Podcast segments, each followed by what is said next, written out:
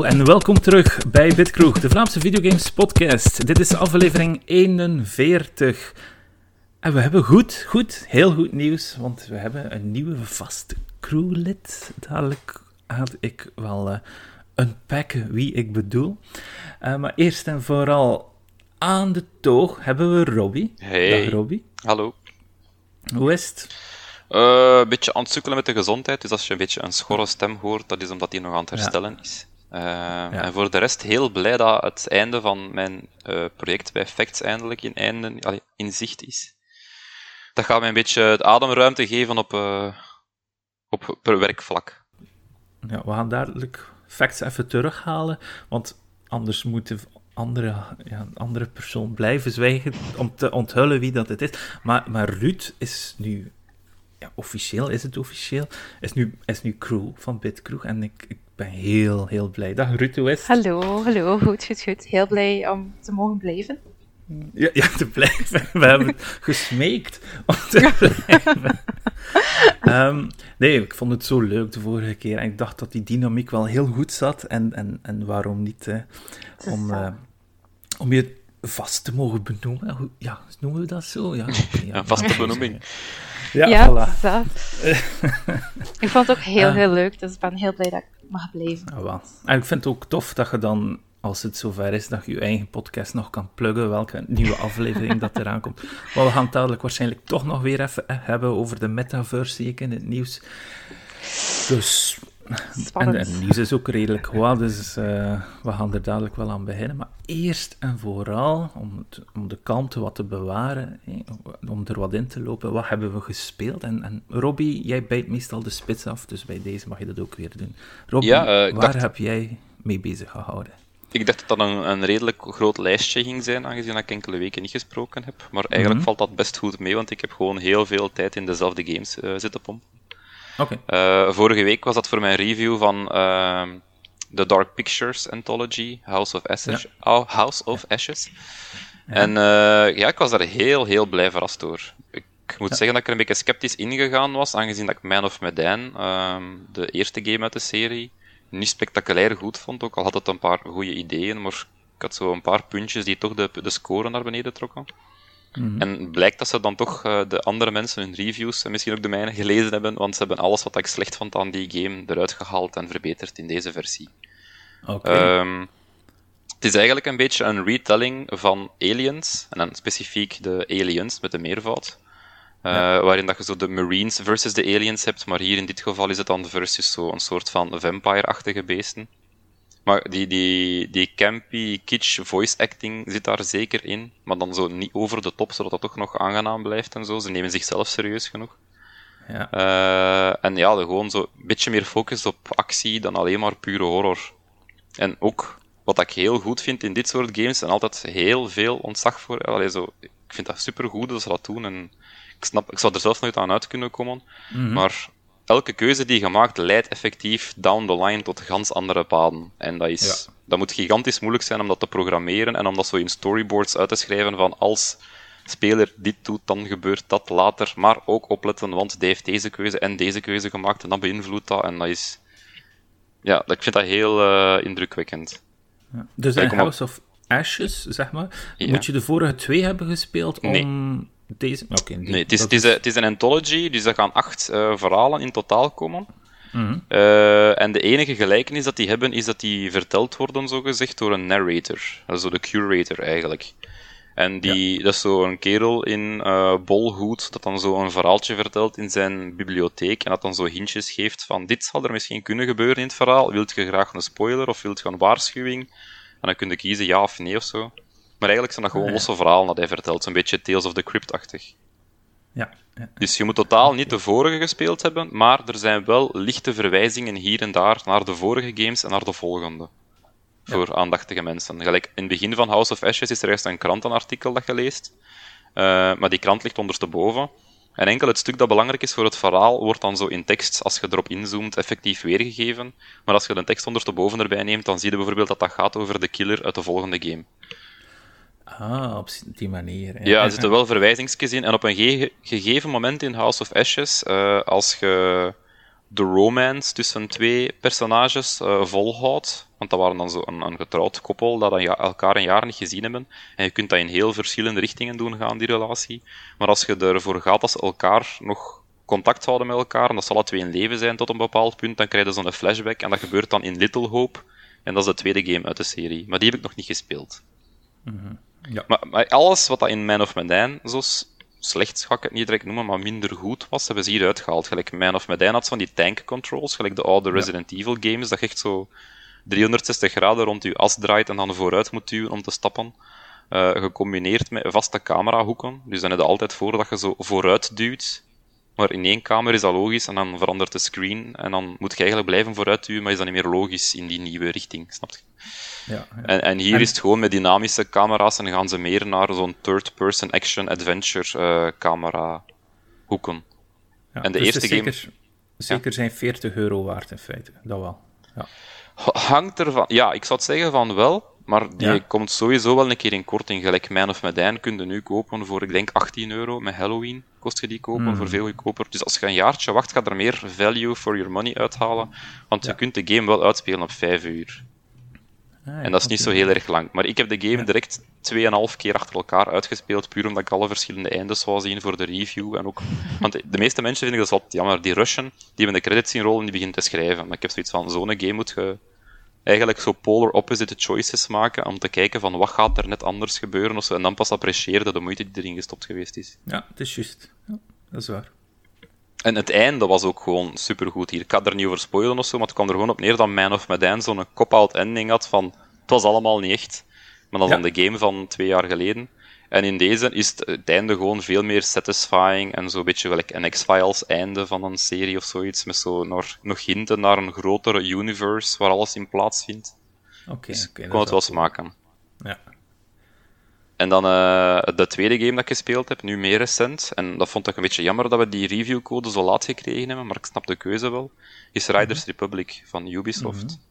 Uh, de reviewcode kwam pas de dag dat de game uit was. Maar dat heeft natuurlijk een, een logische verklaring, want dat is een game met een groot multiplayer aspect, en ze hadden schrik dat er net anders niet genoeg content ging zijn um, ja. ja. voor de reviews goed te coveren. Mm Ja, snap het. Ik heb het nu een, een kleine 18 uur gespeeld. Uh, ik moet zeggen dat ik er heel erg onder indruk van ben over bepaalde dingen. Gelijk Ubisoft is echt zo keer na keer in een engine aan het scherper stellen met die quick loading. Dus in de Crew 2 vond ik dat al heel knap hoe dat je zo de overworld had en dan zoomde dat in één keer in naar de echte wereld, naar je auto of zo. Hier kun je gewoon de map openen en van de ene kant van de map naar de andere kant zoomen, zonder bijna een laadscherm. Je drukt gewoon van, hier is mijn locatie, poef, en je staat daar. Mhm. Dat is dan op een paar meter van je event dat gaat starten, en dan kun je gewoon zo jetpack equipen, naar naartoe vliegen, en je zit er ook op een paar seconden. Dus die, die transities zijn echt naadloos. Dat is heel goed gedaan. Ja. En wat is ook... het een, een enkel een, een next-gen game of kun je het ook spelen op je PlayStation 4? En ja, je kan het ook spelen op de, op de vorige. Ik heb het natuurlijk alleen op de Series X getest. Dus ik weet mhm. niet wat de laadtijden zijn op de vorige consoles. Maar ja. bij de Crew 2 viel dat ook heel erg goed mee. Dus ik denk echt gewoon dat die engine echt optimized geweest is daarvoor. Ja. Wat, wat ze ook doen, zoals in de Crew, is dat je midden in events van Gear Switch. Dus in de Crew hadden ze zo als unique setting dat je zo kunt rijden in een auto, je springt van een schans, in één keer zit er een boot, die een boot gaat van een schans, en in één keer zit een vliegtuig. Zo. Dat switchte ja, zo naadloos. Dat was heel tof gedaan. Uh, hadden dat trouwens in de Crew 2 ook een heel leuk uh, element dat ze veel te weinig gebruikt hebben, waarin dat de wereld zich zo gelijk een kubus rond u plooit. Ja. Dat was heel cool, maar ze hebben dat misschien maar in, in drie of zo races toegepast. Vond dat heel jammer. Uh, dat, dat, dat, is niet teruggekomen in Riders Republic, maar dat switchen van gears dus wel. Zowel in de open world exploring kun je gewoon van een schans springen met je fiets, overgaan in een jetski of zoiets. Alleen uh, in skis dat ze rocket-powered zijn en in de volgende sprong naar zo'n jetpack gaan. En in de, de predefined races doen ze het ook een paar keer. Dat je echt zo door een poortje gaat en dat je dan moet switchen naar een bepaalde gear. Mm het, is, het, is, een heel toffe game. Die mass events zijn ook uh, indrukwekkend, met 64 spelers tegelijkertijd uh, spelen. Maar grafisch gezien is het geen oogvlieger. Geen, omdat ik nogthans heel veel mensen screenshots zie delen. Ja, maar die eh, screenshots dat is in fotomode en dan kunnen ze een paar editing dingen toepassen. Ja. Ehm, als je de game effectief aan het spelen bent, dus ook al er geen mass event aan doen, zie je constant andere mensen online rondskiën. en rondrijden en zo. Dat is echt Ja. massief hoeveel verschillende personen dat je erin rond ziet bewegen. En dat heeft een beetje een invloed op de, de visuals, in dat als je bijvoorbeeld door eh, een rocky gebied aan het vliegen zit of zo, dat dat echt maar 10 meter voor je textures laat. En alles in de verte is zo'n beetje blurry uitgevaagd. Ah, oké. va. Ja, dat zag ik niet op de, dus, ja, op de vele trailers en weet Ja. ik veel wat. Dus, dus super mooi zou ik hem zeker niet noemen. Het voelt niet next gen op dat vlak, maar wel op hoe snel dat het laat dan. En de, de sense of speed is, allee, dat is eigenlijk het belangrijkste in zo'n game, en die zit heel erg goed. Vooral als je zo op je bike naar beneden aan het racen bent, eh, first person mode activeert, en dan zo'n beetje die offspring-muziek erop, dan zit die, dat gevoel van de, de snelheid wel heel erg goed. Super. Me- Merci, Robbie, want ja, Riders Republic, dat stond niet echt op ons lijstje, maar ik was wel meer geïnteresseerd aan het raken in die titel, omdat ja, social media was er wat aan het boomen op, want ik zag hier her en der inderdaad ook screenshots passeren, hoe mooi het was, maar dat was blijkbaar fotomodus, dus... eh, Ja, het is Ja. geen lelijke game, zeker niet, hè, maar Far Cry 6 is iets mooier, en dan Assassin's Creed en eh, Watch Dogs Legion waren eigenlijk twee nog veel mooiere games. Goed, Ruud, hoe is het met Ja. Final Fantasy? Ah, ik ben eindelijk eh, voorbij Seymour Flux. Dus, eh Ja, woehoe. hoe, heb- hoe heb je het nu gedaan? Want op de Discord vroeg je, hoe moet ik het doen? Ja, ehm, dus de truc is eigenlijk om de biospel, dus ehm eh verhef eigenlijk eh, op hem te Ja. doen en dan gewoon proberen te overleven. Ja, dus en hem echt zelf, ja, en echt Ja. zelf laten eh dooddoen uiteindelijk. Eh, En die iedere keer dan Aeons, dus de summons, gesummoned om... Maar het ding, je kunt dat doen, vangen? maar je Ja. moet zorgen dat ze op voorhand dus allemaal een, een overdrive hebben. Want vanaf dat je ze summont, kun je maar één keer aanvallen en dan doet hij ze direct weg. En dan kun je er niet meer aan. Oké, Dus zo. Maar het is gelukt. het is gelukt. we zijn, we zijn erover. eh, en ik zit ondertussen ook al echt aan de endgame. Ehm, ik heb mijn, mijn vliegenship ondertussen al eh unlocked. En ik zit echt juist voor het eindgevecht. Het staat er al mooi op het knopje eh, om op de eindbaas te duwen. Ja. Eh, dus ben ik gewoon nog aan het grinden. En, De eindbaas noemt van. Final Fantasy X. Sin. Sin. Ah, ehm, en gewoon nog wat eh, celestial weapons aan het proberen te krijgen. En al die toestanden. Mhm. Typische Final Fantasy ding. Ja, En dan heb ik ook nog Cookie Run Kingdom gespeeld. Wat dat iets... dat, dat ken ik helemaal niet. Ik Dus, denk, eh, dit, dit is een, een hype op dit moment. Als in, ik zie zo online ook wel andere mensen het spelen. Maar ik heb het eigenlijk leren kennen van mijn zus. Zij kwam. Ja. daarmee thuis en zij zei: Kijk, dat is een mobile game. En dat is echt, dat is- ik weet niet hoe leuk. Eh, dus Ja. ik heb dat geïnstalleerd. Eh, en het is een typische gacha game. Ja. maar het is eigenlijk echt oprecht wel leuk. Oké, is en, een beetje en moet je dan zelf je, moet je zelf je, je kingdom... Ja, eigenlijk, het is, het, Uitbouwen eh, en- ehm, eh, hebt dus, het is een soort Kingdom Simulator, als in zo, eh, je moet je huisjes bouwen, ehm, je moet je, je wood factory bouwen, eh, al die dingen. En zo je, je koninkrijk groter en groter en groter maken. Ja. Maar tegelijkertijd voel je ook met de gacha is dus dat je koekjes poelt, dus verschillende soorten koekjes, eh, waarmee je Ja. kunt vechten, die dus allemaal verschillende soorten rarities hebt. Dus je hebt legendary koekjes en zo, en epic koekjes en al die toestanden. eh, Ehm, en daarmee- en- Daar maak je je team mee. Ja. En dan vecht je doorheen het verhaal. Dus het is zo, het is zo een strategic fighter, maar ook dat, een dat is wel kingdom. cool, ja. Het is eigenlijk echt leuk, maar Ja, ik snap hem. De gacha is wel echt, ja. Met koning, In your Fransje face. Panneke en al die toestanden. Ja, eigenlijk wel, ja. Oké, en, en de laatste game die je gespeeld hebt, ongeveer? Eh, was vandaag. Ehm Ja. Een packing kwam vandaag uit op Game Pass. Eh, en ik heb dat eigenlijk heel lang geleden, wanneer dat ze dat geannounced hebben, ik denk dat het E3 was, eh, Mhm. een nieuw stukje voor geschreven. En dat was echt direct, dat dat stond direct op mijn radar. En ik was echt direct van, ik moet dat spelen, als dat uitkomt. En, dus en hoe heb je het ervaren? heel, het is echt heel, heel goed. het is immens simpel en immens relaxing. Dus je ontpakt gewoon iemand zijn, zijn grief. Het zijn ver, verhuisdozen? Ja, zijn verhuisdozen eh doe je open en eh, zet je alles op de juiste plaats. Ja, Ehm, en zo zie je eigenlijk die persoon haar leven. Dus uh, Ja. het begint als ze zo klein is als kind. eh, eh, zet, je, zet je al haar grief goed. En dan staat er zo een voetbaltrofee tussen en al die toestand. Ja. En dan eh, zie je ze als ze op dorms gaat, dus op kots. Eh, Ja. Moet je ook haar doos uitpakken. En dan zie je zo haar interesses en al die toestand. En ja, het is eigenlijk echt... Je ziet een heel verhaal voor je, gewoon in het gerief van iemand anders. En ik vind dat een heel originele manier van een verhaal vertellen. Storytelling, ja. Ja. Eh, ik was echt eh, verrast. Het was echt leuk. Dus heb je in een namiddagje alle Uitgespeeld. trophies of alle Yes. achievements gehaald? Oké, dat is ook is goed nieuws voor de hunters. Echt niet moeilijk. ja, ja, ja. Oké, cool. Ja, Robbie, misschien moet je het snel even opzetten voor die 1000 G te pakken. die unpacking. Ja, maar nee, nee, ik ging het sowieso al downloaden. Ik had Ja. gewoon niet verwacht dat dat een rappe game was. Ik dacht dat zoiets typisch ging zijn van ik ga het halverwege spelen en dan droppen wanneer het uitgebreid wordt. Nee, het is zo... eh, ik denk dat het zes of zeven levels is. eh, van kindertijd tot eh, volwassen. Eh, Ja. Dus valt, het valt eigenlijk echt vrij goed mee. Maar de, de, het huis wordt wel iedere keer groter. Omdat ze ook wel... Ja, Ja. het gaat van kot naar echt zo'n het huis waar dat ze familie gaat Je doet een doosje open, eh haalt er iets uit, maar welke kamer is het? Ja, ja, maar meestal staat het wel in de juiste kamer. Maar soms zit er zo, ja, in in een echte verhuis is dat ook zo, dat je soms een iets wat in de verkeerde doos smijt, gewoon omdat je daar plaats hebt. Eh, soms een keer iets wat raar in, dat je dan toch een keer van eh, kamer moet wisselen, maar meestal, meestal staat het wel in de juiste kamer. Dus, Oké, dat was dus Ça va. unpacking. Dus op alles beschikbaar, denk ik. Oh, en- op Game Pass is die nu gewoon Ja. Yes. beschikbaar. Oké, ik zelf heb nog wel Hollow Knight zitten spelen. Ja, sorry, het is al de derde week. Maar dat is eigenlijk een grote game. Ik zit al 28 uur erin, heb ik gezien. Op mijn scherm. En ik heb bijna alles gedaan. Moet nog echt nog een paar kleine achievements halen of trophies halen om eh, de 112% te halen. Ondertussen zat mijn vriendin Age of Empires 4 te spelen. En ik heb af en toe naar rechts gekeken naar de PC hoe het eruit ziet. dus ik kan niet zoveel vertellen erover.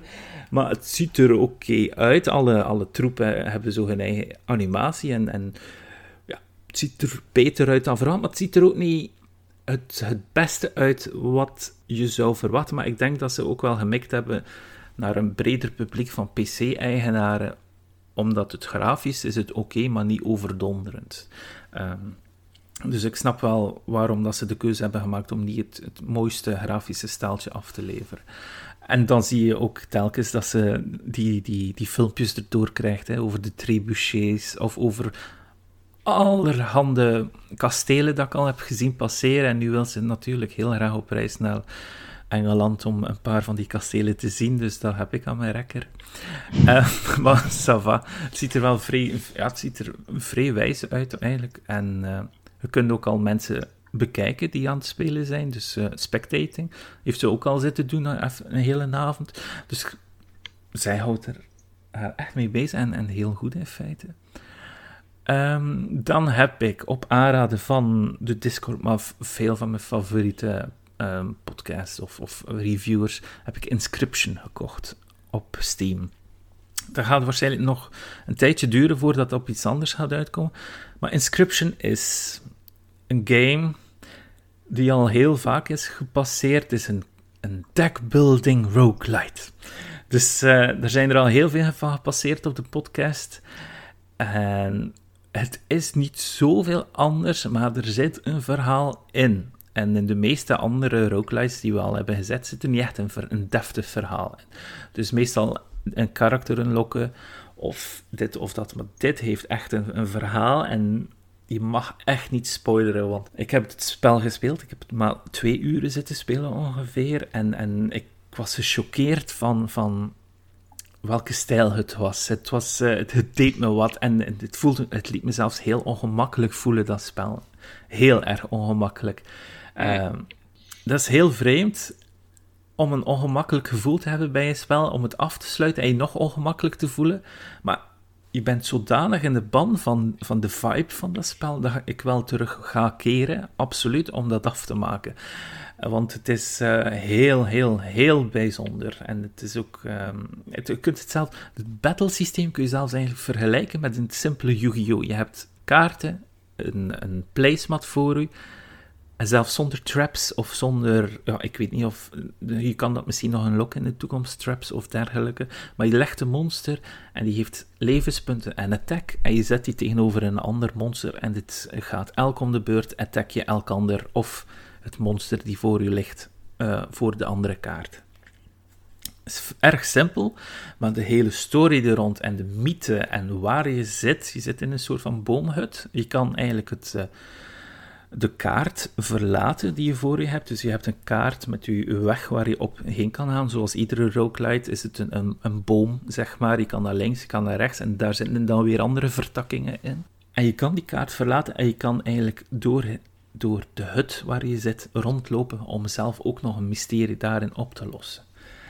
En dat is ongelooflijk cool om, om dat te doen tijdens dat je dat aan het spelen bent, want dan dan, dan unlock je bepaalde dingen. Of dan, dan komt het mysterie wat helderder, maar dan is het weer wat ja, ingewikkelder aan het worden. Maar het is, het is echt fantastisch. En op de Discord heeft uh, Christophe van de Standaard heeft het al uitgeroepen tot een van zijn goaties. Dus het is absoluut een aanrader. Dus uh, Inscription kost iets van de 16 euro op dit moment op Steam. Ik denk dat het een sale is, maar anders zou het waarschijnlijk tegen de 20 gaan lopen. Zeker doen als je wat tijd hebt om nog eens een card game heel, uh, ja, te spelen op PC. Maar je moet wel een, een, een sterk geweten hebben, zal ik zo zeggen. Uh, want het is, het is echt creepy op sommige momenten. Het is meer een thriller dan een horror. Ja, dat was Inscription. Zeker de moeite om te doen. Goed. Het nieuws. Nieuws, nieuws, nieuws. We hebben heel veel nieuws. We moeten ooit nog een deuntje verzinnen voor het nieuws natuurlijk. Dus er was heel wat heisa over Fortnite, dat de servers gingen sluiten in China en zo verder. Waarschijnlijk door de strenge game-regelgeving. Maar het blijkt ook allemaal weer een broodje aap te zijn, aangezien dat Fortnite eigenlijk nog niet eens uitgekomen was officieel in China. Het was altijd in een soort van beta. Ehm, heel veel nieuws hebben zich daaraan mispakt, aan de, aan de foute informatie die daaromtrent is gegaan. Voor ons is dat ook eigenlijk niet echt van toepassing, want wij wonen niet in China natuurlijk, maar het is wel eens vermelden waard dat Fortnite niet het grootste game kan zijn in feite, omdat China niet meedoet. Dus je moet daar even bij, bij stilstaan in feite, want het is pas als China meedoet met een bepaalde game, dat dat eigenlijk echt het grootste game gaat zijn. En China gaat natuurlijk zelf iets leveren en wij gaan dat niet zo snel verbannen zoals China iets van het Westen verbent. Ja, bent natuurlijk. Dus dat is wel interessant wat er kan uh, in de toekomst gaan zijn. Nu, even kijken wat het volgende nieuws is. Het is iets van Marvel, zie ik hier. Ik ga Ruud, ik ben er niet volledig uit. Geef mij wat meer uitleg anders. um, dus, Marvel heeft een nieuwe samenwerking voorgesteld met Skydance New Media. En Skydance New Media zegt waarschijnlijk niemand iets. Nee. nee maar uh, dat is de nieuwe studio van Amy Hennig. En Amy Hennig is vooral bekend van Uncharted 1, 2, 3 en ze heeft het begin van 4 ook uh, meegemaakt. Ze was daar uh, schrijver van. Ja. Dus zij werkt nu aan een nieuwe action-adventure game in het Marvel Universe. Dus het is een, nieuwe, een helemaal nieuwe IP, dus waarschijnlijk niet Wolverine en niet Spider-Man, dus iets helemaal nieuws. En we weten ook niet voor welke consoles het gaat zijn? Nee, het is nog helemaal... We weten zelfs nog niet welke, welke Marvel property het gaat zijn. Dus... Mhm het is nog allemaal in de discussiefase op dit moment, denk ik. En is er, is er informatie van vrijgekomen waarom dat Amy Naughty Dog heeft verlaten? Of is dat... Uh, dat is al even geleden ondertussen, dat zij Naughty Dog heeft verlaten. Um, en ze heeft dan een nieuwe studio opgestart samen met Julian Beek uh, van EA. Uh, dat is ook mhm. zo een veteraan. maar dat is ondertussen ja, al van... Ja, wanneer is Uncharted 4 uitgekomen? 2013? Oh, ja, waarschijnlijk een goede zeven jaar geleden. Uh, dus zij is daar al eventjes weg. Uh, ik weet niet wat dat juist oorzaak is. Uh, ik heb dat niet gevonden online. Mhm. Ik denk dat dat gewoon een nieuwe stap in haar carrière was of zo. Voilà. misschien is het positiever dan, dan de Oké. En ja, het volgende nieuwtje is ook eentje voor u. Het, het, gaat over een game wat aan mij wat nou bij het hart ligt. Dus ik wil wel een keer horen hoe dat jij dat uitlegt. Het is een nieuw karakter uh, in Apex Legends. Dus ja, uh, er is inderdaad een nieuw karakter in Apex Legends. Uh, Ash. En ze, zij is een eh, hommage aan Titanfall. En ze heeft ook Mhm. wat abilities die eh, Titanfall referencen. Eh, waaronder dus die Arc Snare. En er is ook een nieuwe map, eh, Stormpoint, die 15% groter zou zijn dan eh, King's Canyon, noemt hij. Ja. Je? En dan is er ook een nieuw wapen, eh, de Car SMG, die ook rechtstreeks uit Titanfall komt. Oké. Ja, heel Yes. veel Titanfall referenties dus in de nieuwe Apex Legends. Ja, ik heb wel het gevoel dat Apex Legends wel aan het v- kalmeren is, want wij zijn ook al twee seizoenen eruit en ik zie ook niet meer zoveel. Goh, ik zie- denk dat het ook Aan de ene kant, aan zo, de mensen die erin zitten, zijn er wel echt hardcore in. Ja, Die zijn er echt wel Ja, super ja, mee bezig. dat. Maar ik ben er ook wel even mee gestopt. Ik blijf wel dat nieuws gewoon, omdat ik het wel leuk vind. En ook die... Ja. de characters zijn Ja. ongelooflijk cool, hè. Dus die Ash ook, dat is een soort van een, een, een, een Mhm. robot eigenlijk, zeg maar. Een, een, vrouwelijke robot. En die heeft als sidekick een ratje. En dat ratje loopt zo over haar zwaard naar haar schouder en zo verder in haar animaties. Dus dat is wel cool. En cute. En, en ik denk wel dat dat weer veel eh, art gaat opleveren van de Mm. community. natuurlijk. Maar ook gewoon, ja, de eh, lore er rond en zo vind ik ook echt wel leuk altijd. Maar ja, dat is... Ja, spelen Ja. is eh, iets anders dan, hè. Het is, eh, voor mij is het redelijk lastig geworden de laatste tijd in Apex Legends. Dat is, je ziet het, hè, de, de core blijft, maar de core wordt ook Mm, supergoed. En als, je, als, jij, als jij niet meegaat, dan, dan, dan word je heel snel afgemaakt. Want het zit ook met al die smurfs. Smurfs zijn mensen die de game opnieuw eh, proberen te, met nieuwe accounts te spelen. En dan al de nieuwtjes eh eraan maken. En heel, veel te goed zijn voor op het niveau dat ze zitten. Dat vind ik, Ik heb een smurf account op Overwatch. Heb, heb, heb jij een Smurf-account op Overwatch? Oh god, dat is niet goed, hè? Dan voel je misschien heel erg de koning in, hè? Maar, Ja, ja. ah, Te meen, sorry. Foei. foei, foei, foei. Nou ja, ik snap het wel ergens. En ehm, over Smurfen gesproken, maar dan andere tekenfilmfiguren. Er is nog een Smash Bros. in de maak. Deze keer van Warner Bros. Dit is doorheen de week wat gelekt en dit en dat. Vooral door eh, het forum Resetra heb ik gehoord. Ze hebben dus een screenshot gelekt met enkele characters. Dus, dus Warner Brothers heeft ook, is net als Disney alles aan het opkopen of is alles aan het klaarstomen om ook een imperium te maken.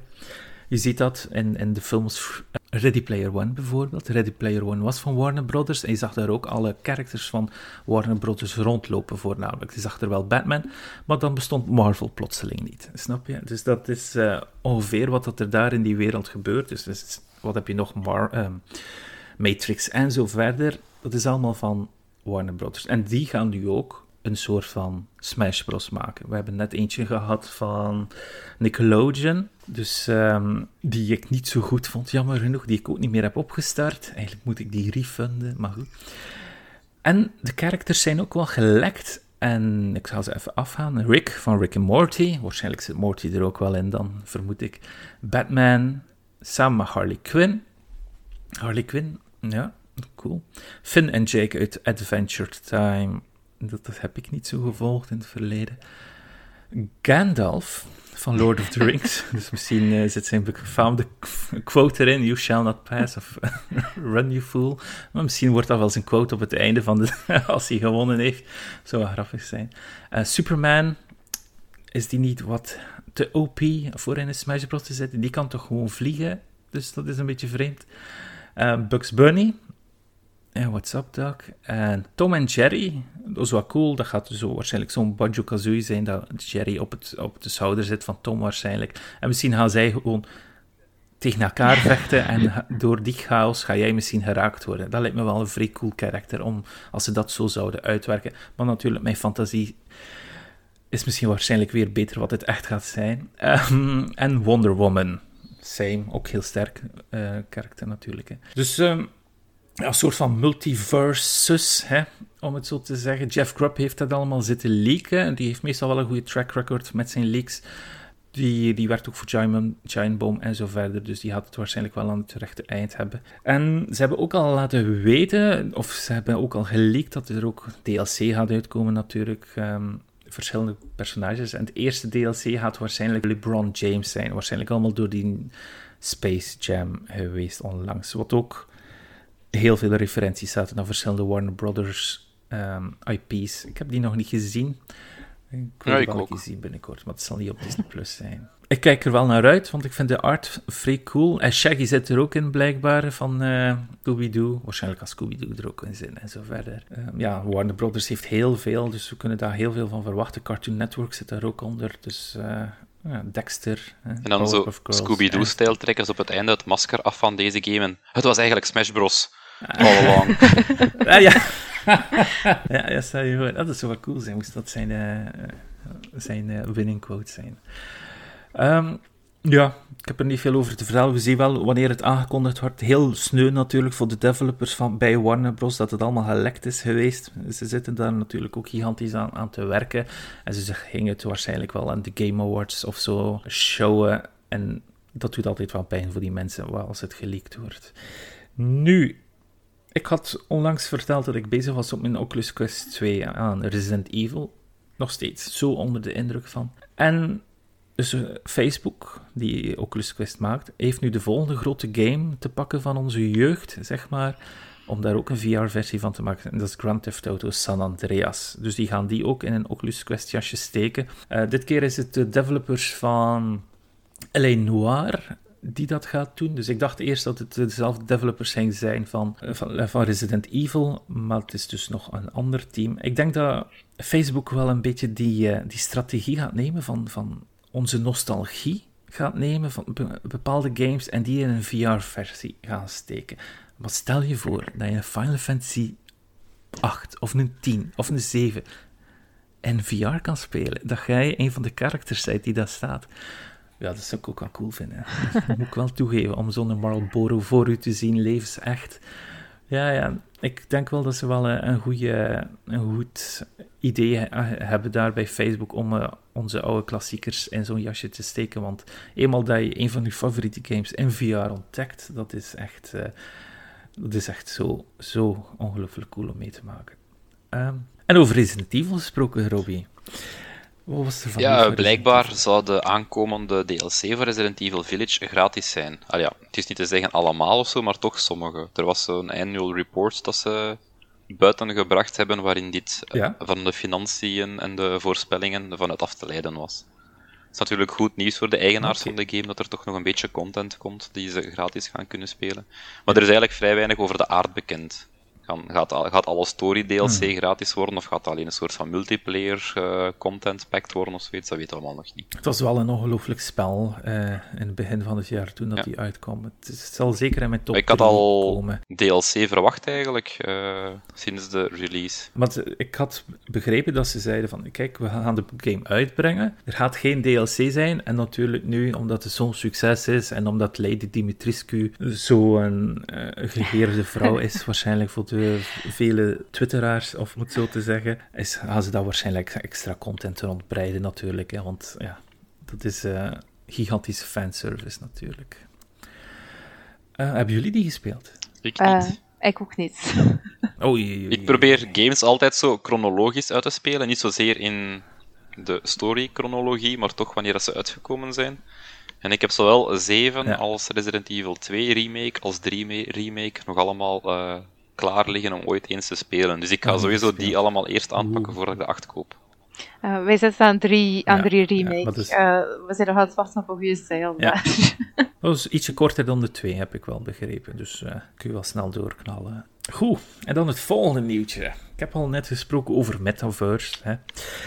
En dat is eentje die in hetzelfde kader past. Dus Ubisoft, hè, ze zijn eh, een van de grootste op de aarde qua gaming.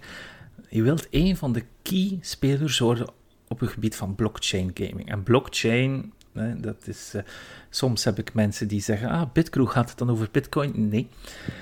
Maar nu wel een beetje. Dus eh, de blockchain, iedereen weet ondertussen wel wat dat bitcoin is. NFT's zijn ook een gigantische hype. Ik sta zelf niet achter NFT's, overigens. Ik vind dat een beetje eh, raar om een, een, een afbeelding van u te laten zeggen enkel in een soort van boek. Dus eh, je hebt een NFT en dat boek staat er, dat is van u. En dat is het. Maar ja, iedereen kan nog altijd die afbeelding opslaan als, zeg maar. Maar goed, in blockchain gaming gaan, we, gaan ze dat wat verder uitbreiden natuurlijk. Stel u voor dat je dat jij de enige echte Mario Kart hebt als NFT. En dat jij in een game komt en dat jij die daar ook kan gebruiken. Stel nu in Forza, ja, maar ik heb een Mario NFT, dan kun je dat gebruiken. En zo verder. Natuurlijk, in de toekomst misschien met een een of andere metaverse, waar dat als iedereen nog Ready Player One heeft gezien bijvoorbeeld, hè, eigenlijk smijten ze daar ook met NFT's. Hè. Die ene heeft een Gundam, de andere heeft een, uh, een Hadoken bijvoorbeeld van Ryu en zo verder. En, ze willen daarin investeren. Dat gaat natuurlijk heel duur worden voor spelers. Ik ben er absoluut geen voorstander van, want iedereen wil een Mario Kart. Hè. Iedereen wil een, een Hadoken. Het, uh, uh, het NFT-verhaal daarachter ben ik ook helemaal geen fan van. Ja? Maar ik, ik vind wel dat er iets te zeggen valt rond unieke items. Dat je bijvoorbeeld ja? een MMORPG speelt en je hebt een, hmm. een super zeldzaam zwaard of zoiets en jij bent de enige speler in de wereld die dat zwaard heeft. Ik vind dat wel iets cool. En dat geeft ook direct, maar... ik weet niet veel waarde eraan. En als dat dan nog tradable is, mm -hmm. vind ik wel leuk. Ja, ja maar klopt. koopt je dat zwaard of heb je dat zwaard verdiend door te spelen? Dat is voor mij wel een beetje het verschil. Ja. Ja, dat is natuurlijk. Hè. En het zouden die walvissen zijn die alles gaan opkopen om meer door te verkopen, natuurlijk. En dat is het probleem, dat zie je nu ook in, in die NFT's. Hè. Er zijn mensen die prentjes opkopen en twee minuten later proberen ze die weer door te verkopen van dubbel zoveel geld. En dat, is, dat zie je ook in die, die Call of Duty, eh, die Call of, in Counter-Strike skins of in uh, is er zijn bepaalde. Nee, uh, ik heb niet, op, uh... een van mijn, op een van mijn PlayStation accounts een van de skins dat je nu niet meer kunt krijgen. Ik heb al een paar keer gevra gevraagd geweest van uh, op je account. dus. ja, vallen. Ja, maar dat zou te vermijden dus moeten dus... zijn dat je je volledige account moet verkopen, maar dat je gewoon het item zelf kunt ruilen. Maar ik wou het heel graag overzetten naar PC, maar dat doen ze bijvoorbeeld niet. Omdat ik ondertussen op PC speel en ik kan daar dus ook niet meer aan ondertussen. Dus, uh... Ik vind het wel grappig dat ik aan het lachen was met die aflevering van South Park, waarin dat ze zo met World of Warcraft uh, de draak steken. En op het einde moest er dan ja. zo'n een heel krachtig zwaard overgebracht worden via een USB-key. En ik had zoiets van, maar dat werkt zo niet. En dan eigenlijk met die NFT's, dat is dan nee, ja, toch wel fysieke media voor grote codes en unieke ja. items. Ja, checks out. Maar aan de andere kant, de, het werk dat daarin gaat insluipen, gaat gigantisch zijn. Hè? En ik weet niet of dat, uh, of dat de mensen daar, dus die een game hebben, daar het werk voor gaan maken. Stel, omdat het model van een Mario Kart, hè, bijvoorbeeld, en, en Forza, hè, om het zo te zeggen, iemand moet dat ook nog eens maken. Hè? En als er maar één iemand is die dat kan gebruiken, waarom in godsnaam zou je dat modelleren? Waarom zou je daar Omdat de waarde zo hoog ligt. Om één iemand...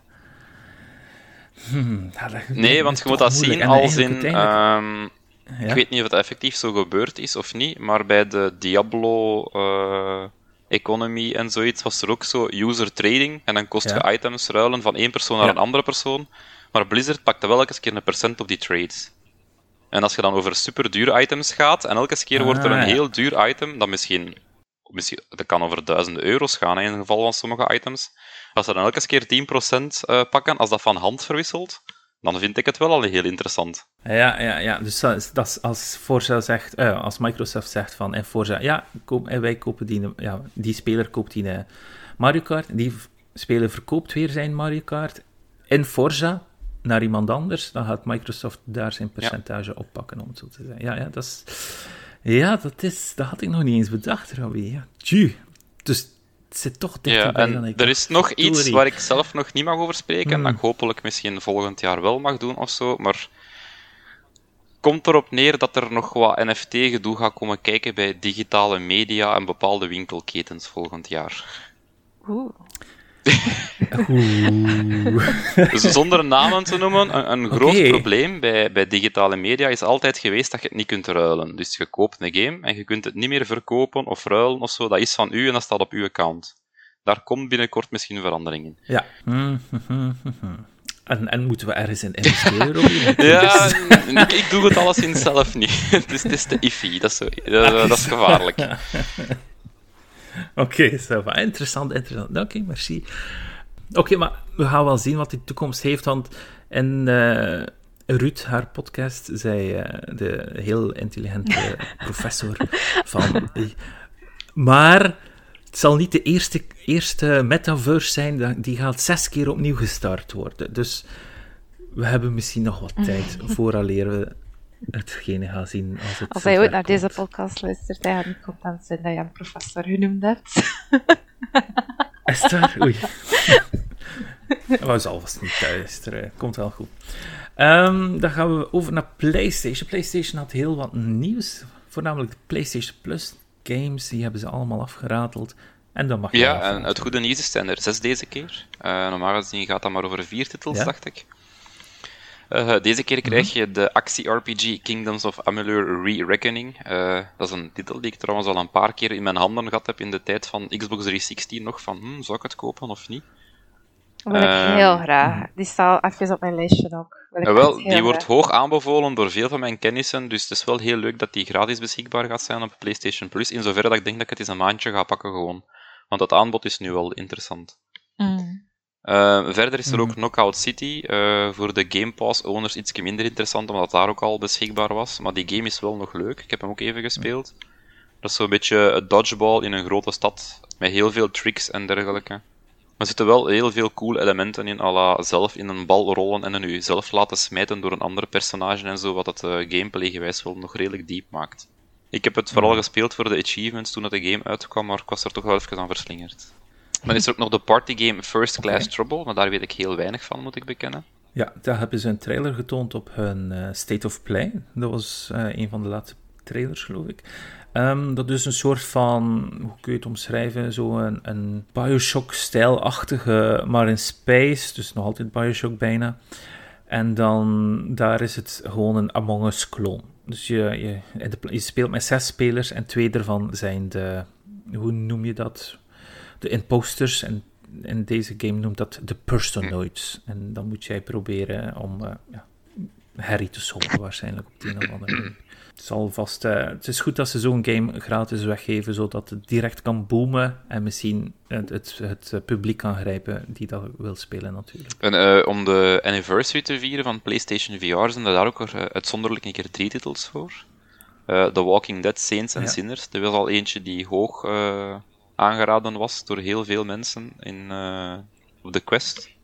En die is nu ook speelbaar op PlayStation VR. Mhm. Allee, die gaan nu ook gratis zijn in het PlayStation Plus abonnement. Heel interessant voor ik. Ik vond eh, Until You Fall een heel leuke roguelike. Zo ook eentje Mhm. met gewoon randomly generated rooms en dan twee verschillende wapens dat je kunt equippen of zoiets. Maar ik vond vooral die, Ja. die feel van de game in VR heel goed zitten. Ik weet niet of dat PlayStation VR even goed is als op de Quest. Maar gewoon zo dat, dat dodgen en blokken van aanvallen en zo dan slicen in een bepaalde richting voelt heel goed aan in die game. Ze moeten eigenlijk zo snel mogelijk die PlayStation VR 2 Ik, aankondigen. denk, hè. ja, ik ben erop aan het Dat wachten. Ik dacht dat ze hem eind dit jaar gingen uitkijk. aankondigen. Er is juist die in de PlayStation State of Play geweest waarin dat misschien mogelijk was, maar ook kwam dat niet aan bod. Eh, maar ik Mhm. verwacht die rond de feestdagen volgend jaar te zien. Ja. En dan is er ook nog de Persistence. Dat is ook een, een eh, als ik het goed heb, een roguelike-achtige, met random regenerated eh, horror-elementen en zo, en dan zo lang mogelijk proberen te overleven. Oeh, ja, cool. Maar VR en horror is toch wel oh, heel prikkelig. Hè? Dat is eh, super eng. Dat zou ik niet willen doen. Nu over PlayStation gesproken. Dus eh, de State of Play was afgelopen donderdag. De voorspelling van ons dat Final Fantasy 16 ging komen is helaas niet, ja, is niet gegaan. Dus die zal waarschijnlijk. Dan moet ik nu weer een hok wagen. Want die gaan waarschijnlijk in de Game Awards te zien zijn. Misschien, of anders in E3 volgend jaar natuurlijk. Ik zal even heel snel alle games overlopen. Als jullie iets willen zeggen erover, onderbreek mij. Want niemand was eigenlijk echt ja, happy hiermee met de State of Play. Oh. Dus het begon met Devverse. Let It Die. Het is een multiplayer action survival game, zeg maar, eh, die uitkomt in 2022. Dus een beetje een reality show in de toekomst, zeg maar, waar dat je je eigen karakter uitbouwt in een soort van metaverse, hè, maar ze noemen het nu Devverse. Heel origineel natuurlijk. En dan moet je strijden tegen anderen om zo items of XP te verdienen, om natuurlijk je karakter weer up te graden tot, ja, moet ik wel zeggen, hele leuke character designs. Dus eh, als de mensen de vorige game, Let It Die, al hebben gespeeld en een paar jaar geleden, was dat op PlayStation 4, dan kunnen mensen zich meer verwachten, maar meer in een multiplayer sfeer. De vorige was meer singleplayer, Dark souls Dit zag er meer eh, eh, ja, multiplayer hack and slash uit. Ziet er cool uit, heel aparte stijl. was origineel van Grasshopper, dus van Suda, dus van die kerel van No More Heroes, die onlangs is opgekocht geweest, die studio. En daarvoor zit er nu ook een Chinese developer tussen, dus ik denk dat daardoor die game is ontstaan ergens. Ehm, maar zeker is de moeite om uit te checken, omdat het gewoon een, een hilarische en speciale vibe afgeeft. Dan We Are OFK 2022. Dat is een storygame over beginnende muzikanten. Het gaat ook van die relaties hebben en zo verder. Ik denk dat fans van uh, Life is Strange en zo verder hier echt wel uh, ook hun goesting in gaan vinden, om het zo te zeggen. Het zag er heel emotioneel heavy uit. Sommige ja, titels, ja, sommige dingen dat je zag in die, in die sfeer, ziet er wel uit dat, dat sommige mensen heel hard in die game kunnen gaan. Uh, maar ik ben niet zo voor te vinden voor zo'n games. Um, dan Bugsnacks, een update, The Isle of Bugs Smacks? Snacks? Hmm. Een koop met gigantische Bugsnacks die gratis uitkomt in 2022. Het gaat een beetje samenwerken zijn, heb ik gezien uit de trailer. Het deed mezelf een beetje denken aan Grounded, dus wat je met vier een basis kan opbouwen en waarschijnlijk gaat kunnen hunten, hè, dus uh, gaan jagen op verschillende bugsnacks om daar weer onderdelen van te kunnen halen, om dan weer je huisje verder uit te bouwen. Dat is altijd leuk om met vier dan een keer te doen natuurlijk. Dus ik denk wel dat dat een leuke, ja, een leuke bezighouding gaat kunnen zijn ergens volgend jaar. 16 december dus niet zo lang meer, uh, een kleine anderhalve maand, komt Five Nights at Freddy's Security Breach uit. Daar hebben ze een kleine trailer van getoond. Ik vind Five Nights zo eng. ik heb de eerste geprobeerd, ik heb de tweede niet meer geprobeerd, want dat is klik, klik, klik, klik, klik. Je kan enkel in de Five Nights key zo klikken om de camera's te bekijken. Maar nu niet meer. Uh, nu is het first person. Ja, inderdaad. First person, uh, geen action, maar wel waarschijnlijk weglopen van de monsters, die wel niet zo eng eruit zien, vind ik persoonlijk. Ze hebben zo die 80s vibes, ze hebben van die, van die schouders, wat die net opvullingen lijken. Maar uiteindelijk gaat het waarschijnlijk wel heel eng worden. Ja, het is, gewoon een, een vrij eng concept. Hè. Zo rondlopen in een kids pizzeria-achtige place of zoiets. En dan zo... Ah, kijk, daar staan vijf robots die kunnen bewegen. Haha, huh, er beweegt iets rechts. Ah, het was niks. Kijk links. Waarom staan er nu maar vier robots op het podium? ja, voilà, dat is wat dat is. En, oh, dat is verschrikkelijk. Nou, ik wilde niet aan terugdenken. Ik vind het een heel toffe game om streamers te zien spelen. Ja, ja, absoluut. Ja, Ruud, misschien moet jij dat doen. ik ben daar zelf veel te, veel te benauwd voor. Wel. Dat is wel echt niet um, Dan was Kart... uh, Kart Rider Drift is een free-to-play titel uh, die vanuit Korea is gevlogen naar ons toe. Is uh, een, een leuke tussendoor, denk ik, voor uh, de kleinere tussen ons, om het zo te zeggen. Het is daar wel een succes, maar ik denk niet dat het zo gaat aanslaan. Het is al een paar keer geprobeerd te relaunchen, die game, die Kart Rider, maar het slaat nooit aan om een of andere reden. Misschien omdat het gewoon geen Mario Kart is, natuurlijk. Um, dan hebben ze nog een, nieuw King of Fighters character getoond, genaamd Dolores. Dus King of Fighters 15 komt ergens eh, binnen een paar maanden of volgend jaar uit.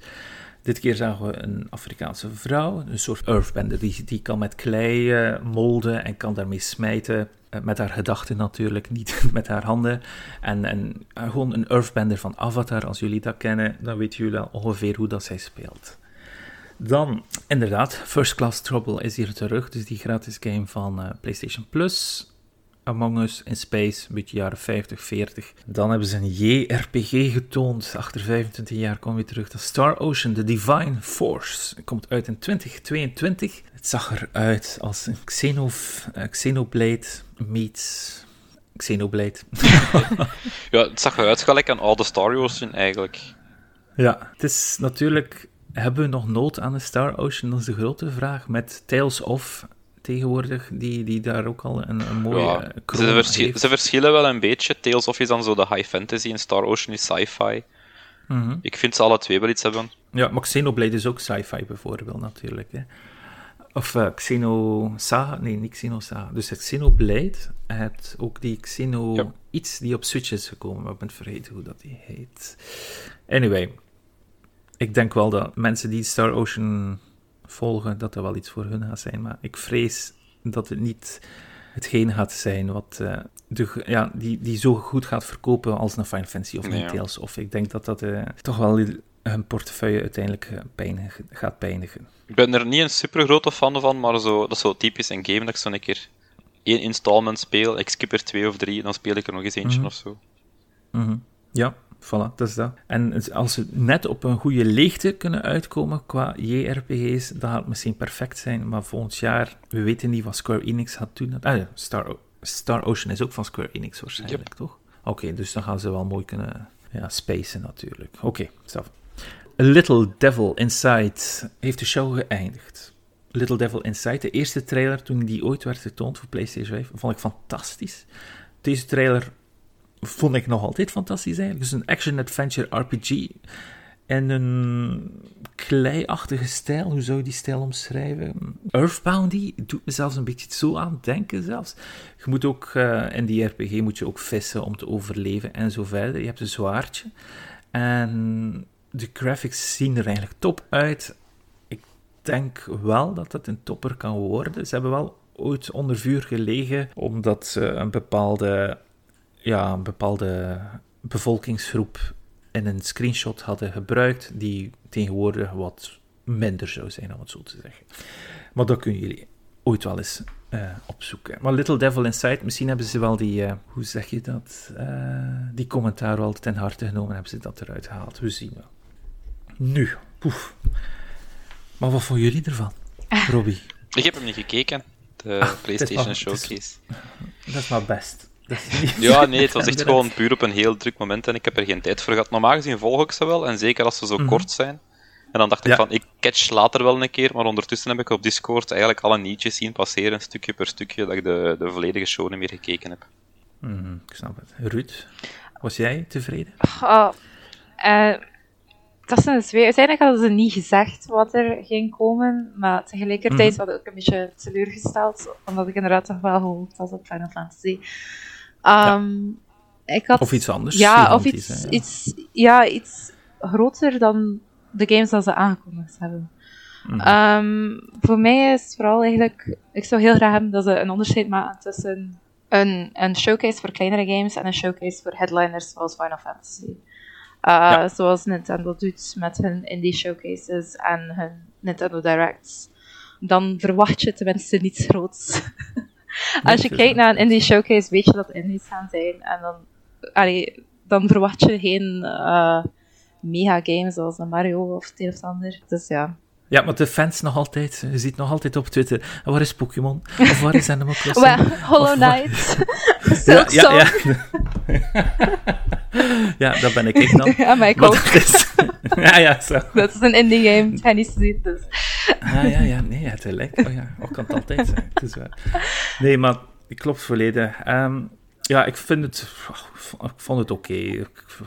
Maar ja, het was niet dat het slecht was, maar het was gewoon zo, ja... Ik weet niet, ik had meer verwacht. Dat is al. Ja, Vooral omdat ze het aankondigen natuurlijk. Hè. Moesten ze het mm. gewoon even... Hier zijn wat nieuwe trailers, 15 trailers. Je kan vandaag ze alle 15 bekijken.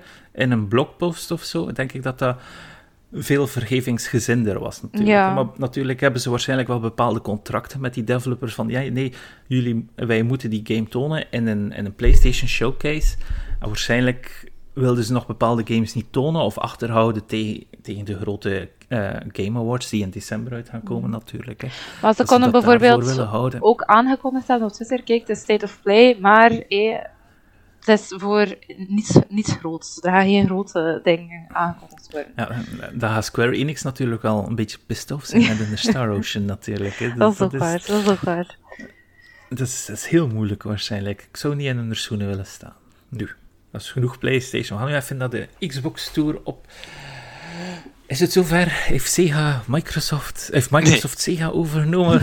Want... Nee, maar daar, als je de internetspeculaties volgt, zouden dat wel durven geloven natuurlijk. Ah ja, oké. Okay, Robbie, leg mij een keer uit. Ja, nee, dus Sega heeft gewoon aangekondigd dat ze gaan samenwerken met Microsoft. Uh, Microsoft specifiek trouwens, er is nooit Xbox ter sprake gekomen. Uh, ik zou daar niet mhm. veel meer gaan achter zoeken als in de tijd dat PlayStation zegt dat ze met Microsoft gingen samenwerken. Dat gaat dan meer over een Azure en een cloud technology of zo. Dus eigenlijk is de, de vrije vertaling van het bericht dat Sega zegt dat ze gaan samenwerken met Microsoft Services. Dat heeft geen enkele betekenis naar de games toe of exclusivity. Jammer genoeg. Ook al zitten er wel een paar logische matches tussen en zo. En zijn er al veel mensen aan het speculeren, stond daar natuurlijk niks in die aard in een van de artikels. Dus ik zou daar verder niet achter zoeken. Ja. Jammer. ja. Maar het is altijd leuk om over zulke dingen te speculeren natuurlijk. En dit was nu Mm. een, een partnership die al jaren eh, besproken werd door fans. Omdat er een paar logische brands zijn. En er zijn wel hier en daar hints geweest. Hè. Like zo, eh, Sega dan een nieuwe Sonic aankondigt of zo. En dezelfde dag dat Microsoft zo eh, Sonic Blue eh, controller aankondigt. En dan zei ja, Ja, ja, ja, ja. wat gaat er komen? En dan niks. Dus Nee. Ik zag een paar... En ik denk... Oh, sorry. Ja. Ik zag een paar journalisten zeggen nogthans dat er misschien betere support ging komen voor Yakuza. Dat was iets dat ik eh, langs alle kanten zag ronddwarrelen op Twitter. Ja, ja, wat betekent betere support Ja. voor... Dat, dat, dat, zei niemand, maar... De Yakuza-games zitten in Game Pass Ja. en dat is eigenlijk al het beste waar we kunnen op hopen, momenteel dus. Hmm. ja. Zeker Yakuza 0 beginnen, hè, Ruud. En op, op zich, ja, de reden waarom iedereen zo excited wordt, is over exclusives. En Ja. ik ben Ja. daar persoonlijk nooit een, een grote fan van geweest, van games van woehoe, die hoort nu aan mijn console toe. Want Nee, op zich nee, vind ik uiteindelijk een, een, een nulresultaat voor de gamer zelf, dat bepaalde games exclusief worden tot bepaalde consoles. Hmm. Ja, klopt. Ja, ik zou meestal wel eh, ja, juichen als, als Microsoft iemand overneemt, omdat ik gewoon weet dat het in mijn Game Pass gaat komen. Ja. Dat je weet van, ah, voilà, dat is day one op Game Pass. Of Ehm, toch waarschijnlijk, ja. En dat je ook weet dat PC-spelers die dan ook kunnen verwachten op PC op dag 1 meestal. Hè? Of 99% van de tijd.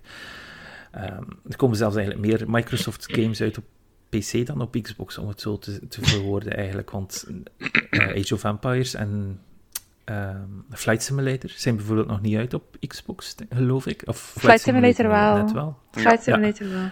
Als je Ja, daar genoeg dus- storage space voor staan hebt op Xbox, toch? Ja. Oh ja, maar de Series S is dan natuurlijk wel heel lastig. Ja, we zien wel uiteindelijk wat gaat geven, hè, want zij willen ook hun, hun Game Pass uitbreiden natuurlijk. Dus ze willen iedere maand in feite, eh, of ieder kwartaal, een grote game hebben. En dit, qua aantal studios, ze hebben nu 22 studios bij Xbox. Is het nog net niet genoeg eigenlijk? Je zou zeggen, 22 studios is genoeg. Nee, eigenlijk technisch gezien nog niet, want er zitten heel veel kleinere games tussen voor op te vullen. Maar om grote games af te leveren, ieder kwartaal, dan moeten ze nog wel wat eh, grote spelers aanspreken Ja. om eigenlijk eh, ja, om, om die binnen te trekken. Want je, je weet, weet ook, hè, 2022, ja, dit einde van 2021 voor Xbox is fantastisch. Hè. Ze hebben Forza, gaan ze binnen een paar dagen releasen. Dat nieuws mag Ruud dadelijk vertellen.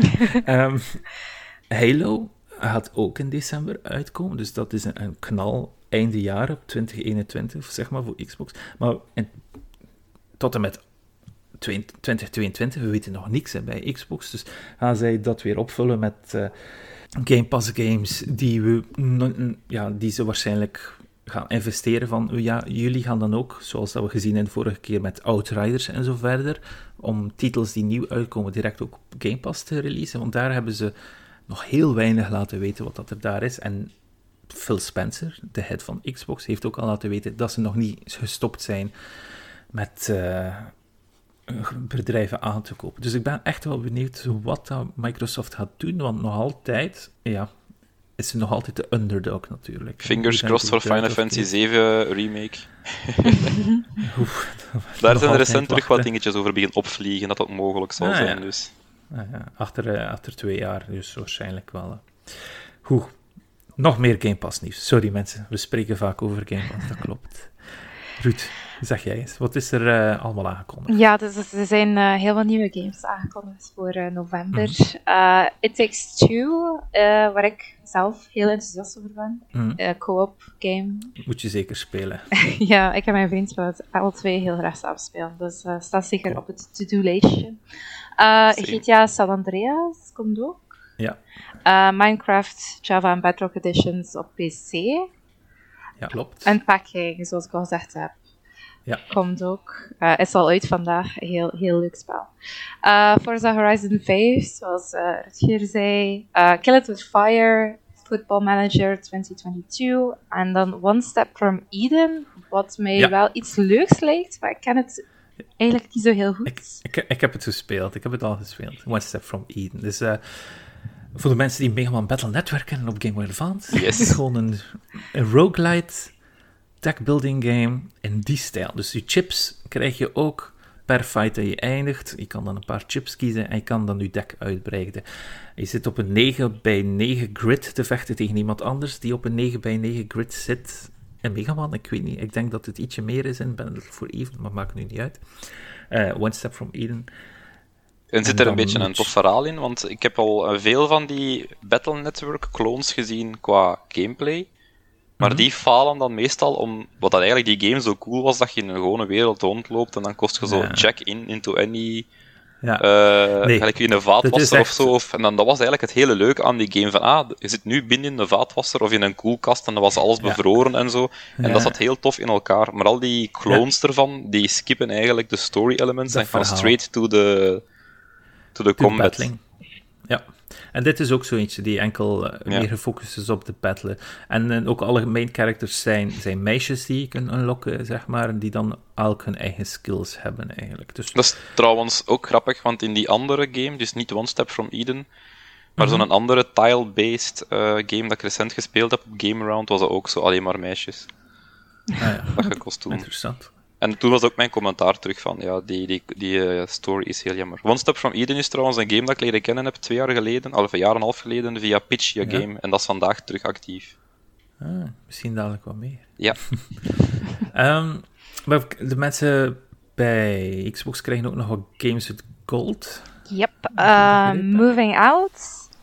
Wat ja. ook eentje is dat nog op mijn lijstje staat. Uh, Kingdom 2 Crowns, Rocket Knight en Lego Batman 2 DC ja. Superheroes. Kingdom 2 Crowns moet je zeker downloaden en co-op spelen. Dat is heel cool om te spelen. Ah, ik wist zelfs niet dat dat co-op was. Ja, ja het, is, het is co-op. Je kunt dat co-op spelen. Dus uh, um, het is een 2D kingdom building game. Dus je, zit, je bent een, een, een koning en je moet dan je, je kasteel opbouwen en dan komen er van links of rechts monsters en dan moet je dat ook nog verdedigen. Um, het is eigenlijk echt wel cool. En als je samen zo speelt en iedereen heeft dan zijn eigen mount. Ik heb, ik heb bijvoorbeeld een, grote, een groot hert waar ik op zit. Uh, heel mooi pixel art trouwens. En mijn vriendin had dan bijvoorbeeld een grote katachtige. En dan, dan rennen we naar elk onze eigen basisjes om dan weer een muurtje op te bouwen. Of uh, twee riddertjes te zetten en zo verder. Okay. Dus een hele leuke... Het ziet er heel tof Ik heb het ook eerst even opgezocht en het ziet er inderdaad heel tof uit. Maar nu dat jij ja, het gespeeld hebt, kan je me misschien wat informatie geven over hoe dat, dat speelt en hoe lang dat het juist speelt. Is dat iets van, mm. ik speel af en toe een keer een spelletje en dan zo lang mogelijk uithouden, of zit er een verhaal in en bouw je ergens naartoe? Er zitten verhalen in, er zitten meerdere levels in en dan op het... Uh, en, en je kan verschillende gebieden over, ja, overheersen, zeg maar. Dus je hebt, vers, uh, je hebt een, een, landkaart, zeg maar, en dan heb je verschillende punten dat je kan overnemen. Dat is het eigenlijk. En dan een beste kingdom te bouwen op die puntjes. Je kan dan bijvoorbeeld een dag zijn, we gaan dat puntje doen, en de volgende dag komen we terug voor een ander punt te doen. Dat is nog lang precies. Even opgezocht ja, in How Long to Beat. Main story 30 uur, completionist 53 oh. uur. Oeh. Ja, we hebben het wel uitgespeeld. En er is ook DLC uitgekomen. Bloodstained. De karakter van Bloodstained kun je unlocken nu in die game gratis. Uh, ze hebben een soort van samenwerking achter de schermen. Rocket Knight is een heel cool game die uh, menig mensen die van Sega games houden of van SNES games houden uh, wel gaan bekoren. Een 2D game die nieuw jasje heeft gekregen van die tijd, om het zo te zeggen. Sorry. Soms wil ik uitleggen wat alle games zijn, natuurlijk. Um, het volgende nieuwtje. Ik heb June gezien. Een superfilm. We hebben het al een keer gezegd. Er was één hoofdkarakter die ik nu ook al langs in de French Dispatch heb gezien en in Little Women heb gezien. Dat is Timothy en daarvoor was er nog een discussie hoe dat de achternaam juist was. Chalamet. Yes, inderdaad. um, ja, die had blijkbaar in zijn, in zijn jeugdige jaren een eigen Xbox modding kanaal. En er was wel drie video's stonden erop natuurlijk. Hè. En dat is allemaal uitgekomen. Vice had er een hele onderzoeksjournalistiek in gestoken, waar uiteindelijk mee gelachen werd, maar zij hebben het wel ontdekt. En net op tijd dat het artikel uitkwam, en ze hebben echt redelijk wat in gestoken, heeft iets net ook in een interview gezegd dat het hem was. Maar zij hadden het dus allemaal uitgedokterd en gedaan. En, en, en aan de hand van zijn handen, omdat hij een klein litteken heeft of zoiets aan zijn linkerhand. Hadden ze dan uitgezocht, ja, en dat is het tapijt en weet ik veel wat. En, en het was echt zo uh, internetdetectieve één op één. Maar dan heeft hij het zelf toegegeven in een interview. En hij is heel charmant daarin ook, eigenlijk, om dat allemaal uit te leggen. Zijn vriend en, en zijn co-medespelers, uh, speelster uh, Zendaya zat ernaast en was wel met een opgetrokken wenkbrauw even aan het kijken. Maar ja, hij verkocht dus mods voor Xbox-controllers voor 15 dollar. Nu waarschijnlijk niet meer. um, maar voor de rest, ja, cool dat hij zich daarmee bezig gehouden heeft. En vroeger uh, de nieuwe ster, de nieuwe DiCaprio, zeg maar. Um, ja. Hebben heb jullie ooit uh, Xbox-controllers of controllers geschilderd? Ik heb nog maar mijn Xbox van september. Ja, maar nee, maar gewoon controllers in het algemeen. Hè. Beginnen schilderen of uw nee, Nog nooit gemod, maar wel zo de Xbox Design Labs, custom kleurtjes vind ik wel leuk. Ah, ja, uh, ik heb al ene keer een uh, PlayStation 4 bakje uit elkaar gehaald zonder een nieuw kleurtje op te leggen. Zo eentje dat nog niet ah, bestond. Uh, zo flashy rood, ah, ja. dat wel. Ah ja, kijk, kijk, kijk. Ja, ik, ja, vooral van mijn RB-knopjes te vervangen heb ik dat opengedraaid. Maar zelf, om een ander kleurtje te steken, ik heb het graag uniform tegenwoordig. Want uh, om zo een, een, een, speciale, door verschillende kleuren controller op mijn kastje te zien, vind ik zo. Ja. Waar ik wel nog over getwijfeld heb, is zo dat PlayStation-stickertje te kopen voor in de PlayStation 5 in te leggen. Ah, zo ja, dat PS5-logo uh, dat ingegraveerd is in de console. En hij is gewoon standaard mm. zwart op dat wit. En ik vond dat wel tof om dat zo in die oude PlayStation-kleuren te doen. Ja, ik heb dat ook gezien. Dat was inderdaad wel vet. Oké. Switch. Um, redelijk wat mobile games voor Nintendo aangekondigd. Of die gestopt zijn en een ander gestart. Maar we gaan het de volgende keer wel voor Tim openlaten. Ook die Lego set van Luigi Mansion aangekondigd op Halloween. Zag er ook wel wijs uit, maar misschien kan hij daar wat meer informatie over geven. Um, maar we hebben ook iets weg te geven, hè, Robbie? Ja, uh, ik wou het even vermelden tijdens de podcast mm -hmm. zelf, aangezien dat niet iedereen in de Discord zit of ons op Twitter volgt. Foei.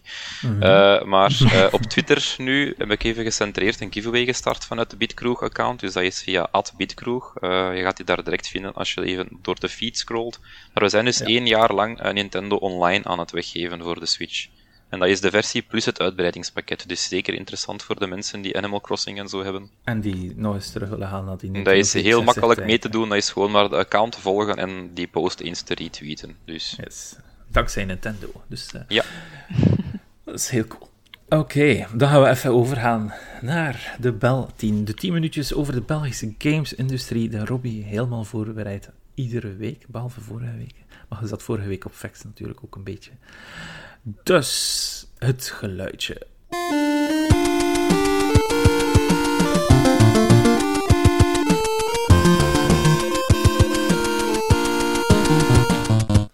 Ja, dus zoals eerder al gezegd, vandaag, nu dus als we het opnemen zijn, is het 2 november en is het Pitch Your Game. En dat is uh, iets vroeger was dat aan maandelijks gebeuren. Uh, dat was een hashtag die op Twitter leefde en dan kon je eigenlijk je game die nog in development was, idealiter, uh, even pitchen aan uh, publishers die meekeken, aan de gamingpers, om ze een eerste oogje te werpen op de game, of gewoon aan fans om een beetje wishlists te gener genereren. Uh, vandaag is dat terug uh, actief natuurlijk, en ik heb zo alle Belgische games een beetje proberen aansporen om daarop te posten, en dan zie je toch wel nieuwe tweets van Trifox, van Nash, van, mm -hmm. van Sizable, You Suck at Parking, 30 Birds, en dat is toch wel iets dat ik zou aanraden, ook al de dag dat de podcast live gaat, is Twitch Your Game misschien, Pitch Your Game misschien al gepasseerd. Maar toch zeker eens zoeken achter de hashtag, uh, scroll er eens door, ontdek wat leuke games. De meeste gaan natuurlijk niet Belgisch zijn, maar gezien dat er zoveel Belgen meegedaan hebben, ga je toch hier en daar een keer een naam tegenkomen die je tijdens de podcast al aan bod hebt horen komen. Uh, waar ze ook aan mee gaan doen, is binnenkort aan Facts, dat is uh, dit komend weekend. En daar staan heel wat Belgische games en ben ik toch wel blij dat ik daarmee heb voor kunnen zorgen. Uh, Painting VR gaat er terug zijn met die VR-titel, waar je samen kunt mm. verven en zo. En hopelijk deze keer ook dat je kan zien wat dat de mensen aan het schilderen zijn live. Ja. Uh, Mazem gaat er zijn, die waren er op Made in Asia niet. Dat is van uh, Slappy Inc. En de game zelf is een beetje gelijk labyrint. Zo uh, puzzelstukjes schuiven en dan kan je zowel andere mensen blokkeren als jezelf puzzeltjes oplossen en zo voor naar een bepaalde okay. locatie te geraken. Het ziet er wel heel tof uit. Okay. Uh, Sleeping Panda gaat er zijn met de Baby Dino Adventures. Hubris gaat er zijn, die zou ik zeker aanraden om eens te spelen, zeker als je zelf geen VR-headset hebt, want het is een van de mooiste VR-games die er bestaat na Half-Life Alyx. En het feit dat die van eigen Belgische bodem komt, is toch wel iets om fier op te zijn. Misschien ook op PlayStation 5 uh, ooit? Uh, ik denk wel dat het er neigt zit aan te komen dat er een PlayStation VR 2-versie is, en misschien zelfs een PlayStation VR-versie, maar die gaat er dan niet zo afgelikt uitzien als de, als de PC-VR-versie uh, eigenlijk. Ja, ja, ja. Dus zelfs op de Oculus, zij gaan waarschijnlijk Oculus Quest 2 uh, headsets meebrengen om het op te spelen, maar die gaan dan via kabel verbonden zijn aan een PC, want de Quest 2 kan die graphics niet echt aan dat uh, die game uitput. Ja. ja. Okay. Um, Replaceable gaat voor het eerst speelbaar zijn. Daar heb ik vrij weinig over te zeggen, puur omdat ik de game nog niet gezien heb of nog niet gespeeld mm -hmm. heb. Dat is van uh, Stekka slash The Fridge. Um, dat zijn de bedrijven die bestaan, maar die hebben nu een nieuw bedrijf opgericht, dat noemt The Pack, en die hebben een nieuwe game in werking. Uh, als ik dit weekend ga, gaat het ook de eerste keer zijn dat ik de game in actie zie. Dus ik ben wel heel benieuwd. Want meestal heb ik al een beetje voorkennis van de titels die aanwezig gaan zijn. En dat is voor e juist deze ene titel niet het geval. Okay. Um, Rolling Hamsters gaat er terug zijn. Uh, dat had ik vorige keer al aangehaald. Maar dat is zeker de moeite als je op Facts komt. Die hebben een heel slim, uh, zelfs corona-safe idee. Waarop dat je de game kan spelen. En de game is gewoon een heel simpele, top-down gezien racetrack. Uh, die je bestuurt met één knop. En ze hebben dat heel slim aangepakt door uh, van die pedalen van Rock Band aan te koppelen aan zo'n Xbox mm -hmm. uh, Adaptive Controller. En dan kan je eigenlijk gewoon toekomen en jij pakt dan een van die uh, pedals voor met je voet te controlen. En dat is eigenlijk heel slim, ja. zeker gezien dat iedereen nu super niks en controllers aan het ontsmetten is en zo voor besmettingsgevaar te voorkomen, is dat een heel slimme oplossing. Okay. En Nanotail gaat er ook zijn. Misschien zelfs met hun nieuwe game. Ik weet niet of dat die speelbaar gaat zijn. Uh, ik moet eens heel even vlug de titel opzoeken. Want die hebben vandaag een nieuwe game aangekondigd op um, Steam. Outshine. Dus ook weer een, type, ook weer een typing game. Uh, die is tot hiertoe heel beperkt speelbaar geweest, enkel voor mensen in een Discord en zo een paar handpicked mensen. Uh, ik had er zelf geen tijd voor om het te testen tot hiertoe. Maar als uh, Fishing Cactus een typing game maakt, dan you better pay attention. Want Epistory en Nanotail waren ook alle twee heel erg goed. Mm. Uh, als laatste gaat er ook Alissa speelbaar zijn. En daar ga ik een beetje verder op uitbreiden, want ik heb hem nu gespeeld. Uh, hij is een tijdje geleden uitgesteld geweest. Die had een ja. succesvolle Kickstarter. Uh, de release datum was normaal gezien begin oktober. Of eind mm -hmm. september. Hij is uitgesteld geweest tot eind oktober. Die is nu wel speelbaar op Steam voor de mensen die de game niet kennen, die ziet er eigenlijk uit als een old school Resident Evil game. Bestuurt ook zo, dus dat is eventjes wennen. Ik, heb, uh, ik ben aan het spelen met een Xbox controller en dan moet je zo met je D-pad terug zo tank controls gewijs roteren rond je eigen as, vooruit lopen en zo. Uh, lopen kunt je alleen maar doen als je de herlaatknop induwt en dan schieten kunt je alleen maar doen als je stilstaat en dergelijke. En dan komt er hier nog een keer bij kijken dat als je aan het stilstaan bent en aan het mikken bent, dat je zo nog een keer naar boven, naar midden of naar onder moet mikken Oeh. voor iemand te raken. Ja, ja. Dus het is, het is redelijk pittig. Um, het gebruikt ook dingen uit Resident Evil, zoals de limited save files, waarin dat er tot hier heb ik nog maar één save location ontdekt. Ik hoop dat er meerdere gaan zijn in de game, want nu ben ik constant aan het backtracken van oeh, moet nog een keer gaan saven. En dan ah, kost dan elke keer één tooth wheel. En dat ja, vind ik wel een grappig uh, woord trouwens, want dat, het is een Engels woord, maar je zou het niet direct ja. denken, want dat is precies heel letterlijk uit tandwiel vertaald, en in het Engels zeggen ze gewoon cog of gear. Maar ja, het, het, is wel effectief een bestaand woord, en hij vond het gewoon toffer klinken ook. Maar wat en... vroeger het Engel was in Resident Evil was, bijvoorbeeld, hè, is dat je eigenlijk inkt moest verzamelen om te mogen saven. Dus je moest eerst nog een item hebben om te kunnen saven. Dus, dus, dus en nu, hier kost het gold, dus hier moet je dan zo een tandwiel gebruiken, maar die zijn heel die zijn redelijk zeldzaam eigenlijk. Oh, ja. En Oeh, je gaat bijna ja, altijd willen sparen, want dan bijvoorbeeld uh, early on is er een zwaard dat je kan unlocken. En dat is dan heel interessant, want als je dat hebt, dan moet je geen ammo meer gebruiken. Maar je moet natuurlijk de vijanden op close laten komen. Ja. Het is zo'n wikken en wegen van, ga ik saven? Ga ik mijn geld spenderen aan healing items, aan ammo? Of ga ik een beetje opsparen en een nieuw outfit kopen of een nieuwe wapen kopen. Of ik wil gaan slapen, ja. Ja, en ik ben al een paar keer redelijk ver in de game geraakt, maar dan zo van... Mm -hmm. ja, door de, de level building van de game is het niet zo interessant om te backtracken. Je hebt bijvoorbeeld ja. uh, traps en dergelijke die al moeilijk zijn om voorbij te geraken. En als je zo denkt van, hm, ik sta low health, ik zou beter eens terugtrekken, is dat niet altijd het slimste idee, want het backtracken zelf is al even gevaarlijk als verder pushen. Ja. En dan push ik meestal zo koppig verder van kom aan, kom aan, kom aan, laat er alsjeblieft een safe eh, position zijn of zoiets. En dan blijkt je eigen in een dode hoek gelopen te hebben met één of twee vijanden die achter u aan het aankomen zijn, dan is het ook eh foutu. Oké. Maar ik was dan natuurlijk gisteren aan het spelen met mijn zoon dat op mijn schoot zat en af en toe een keer op een random knop wou duwen, dus dat gaf vooral een e- extra moeilijkheidsgraad aan. Eh, over Belgische games eh, bekijken gesproken. Ehm, Ja. Ook aangekondigd recent is dat Big Brotaru gaat terugkomen op 25 november. Dus Brotaru heb ik al een paar keer aangehaald. Dat is dat eh, maandelijks event, proberen ze toch, in Brussel, waar dat je vooral Brusselse, Waalse games kan spelen. Ook een paar Vlaamse, maar toch vooral Brusselse. Mhm. Ehm, Big Brotaru hebben ze vorig jaar, allee, twee jaar geleden voor de eerste keer gedaan. Ik denk dat het misschien al drie jaar geleden is. En dan was eh, in een cinema in Brussel, zo in de galerij ergens daar, was er dan zo een cinema waar dat alle Belgische games gepitcht werden. En dat was wel eens tof qua setting, omdat dat gewoon iedereen kost zo op de, de rode zeteltjes van een cinemazaal kijken naar elkaars eh, pitches op het podium dat op het grote scherm Ah, ja. gespeeld werden dan. Cool. En die setting Ja. was heel erg, heel erg leuk voor elkaar games eens te zien, voor wat bij te babbelen en zo. Dus ik ben heel blij dat dat terug doorgaat. En ik Ga ga er er gaan? zeker naartoe proberen gaan. Ook al Ah, is het de dag nadien mijn verjaardag. En ik verwacht, allee, ik hopelijk wordt er niet zo gezegd van ja, maar we willen toch iets doen een dag ervoor bij u. Want dit, dit heeft voorrang voor mij.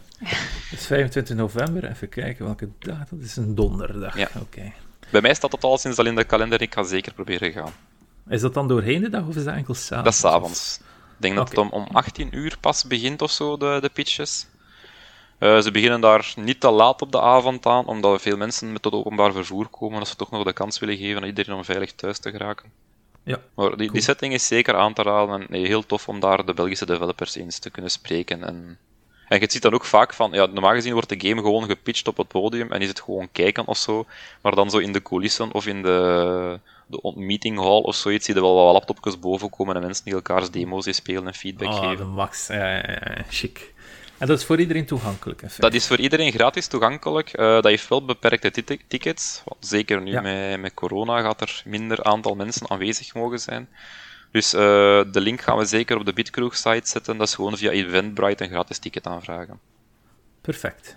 Ehm, en dan nog interessant nieuws: The Park van Telenet. Dat is die eh, location-based VR. Mhm. Ik heb er altijd mijn vragen bij gehad van hoe viable is dat eigenlijk net? Want mensen kunnen eigenlijk gewoon een VR-set thuis kopen, maar zij zetten dan echt wel in op die, die titels zoals de Space Pirate Arena eigenlijk, maar dan ook zo een paar custom-designed games van hun. Je hebt bijvoorbeeld Ja. zelfs een K3-ervaring, of je hebt er eentje van de dag en zo. Je ziet echt wel dat er zo Belgische IP's eh, gebruikt worden voor toch een beetje extra pool te hebben naar mensen die doorgaans geen games spelen. Ja, ik vroeg me altijd al af, hoe gaan die in leven blijven? En blijkbaar is dat niet door slim in te zetten lokaal, maar gaan die internationaal gaan. Dus die zijn echt aan het spreken van honderden locaties over gans Europa, misschien wereldwijd op te zetten, waarin dat ze dit, dit soort dingen gaan doen. Het is Dus een bold move. Ik hoop dat het Ja. werkt. En ik hoop ook dat het een beetje opportunities genereert, aangezien het een Belgisch bedrijf is. Eh, en gaan ze hopelijk een paar Belgische titels laten maken. Want een van de grote pools natuurlijk is altijd, kom bij ons, want deze game kan je alleen maar bij ons spelen, die is niet commercieel beschikbaar. Ja, Ik heb zelf die, eh, die demo gespeeld van de dag, en ik moet zeggen dat die ook wel al redelijk slim gedaan was. In zoverre Ja. dat je zo een flatgebouw aan het beklimmen waart of zoiets, en dan moest je zo een bepaald eh, verdiep vrijmaken van alle gijzelaars, zijn niet zeker? Ja. Gijzel, gijzelnemers. Eh, en dan moest je naar een bepaalde tile gaan dat je dan kon zien. En dan je hebt zo dan wel muren die er fysiek niet echt zijn, maar als je erdoor loopt, krijg je bepaalde negatieve status effects of zo, of krijg je punishments. En dan moest je zo terug naar een lift stappen voor omhoog te gaan naar een ander verdiepen. Dat, was dat, dat gaf er wel veel ruimte aan. Want eigenlijk zit je maar op een beperkte ruimte te spelen, maar door het feit dat je zo in een liftje of naar een bepaalde locatie moest gaan om een trap te nemen of zo, en dan werd het level gerefreshed, voelde dat wel groot aan. Mhm. Ehm, We zijn er bijna. Sizable had met Halloween ook heel erg leuk nieuws. Eh, normaal gezien kondigen ze hun updates op voorhand een beetje aan, maar nu was het een beetje een surprise drop, met dat er een Halloween eh, update was. En ze hebben terwijl ook aangekondigd dat we voor de volgende holidays zeker ook nieuwe content mogen verwachten. Dus zo kerstmis, nieuwjaar, paashaas en zo. eh, content gaan we zeker zien aankomen. Oké. Daar kan de volgende keer Tim misschien wat meer over zeggen, want ik heb gezien dat hij hem net beginnen spelen is. Ah, ja, Je weet, als, als je het veel genoeg blijft vermelden, dan uiteindelijk gaan de mensen het toch wel beginnen spelen. Ik kende het niet Ideaal. totdat Tim het in de Discord zette. Dus eh, het staat ondertussen ook op mijn lijstje. Ah, zeker checken. Het is niet zo'n heel erg lange game en ik vind hem heel tof en het staat zeker bovenaan mijn lijstje van beste indie games van dit jaar. Die, uh, die, waren ook, uh, die, die drie mensen waren ook onlangs in onze ja. podcast. En, dat was, uh, en, en binnenkort gaan we ook een docent, alleen van Robin, Robin Gillis van Luca, gaan we zeker ook nog eens te gast hebben in een van de volgende afleveringen. Yay. Want de, de studenten zijn vandaar.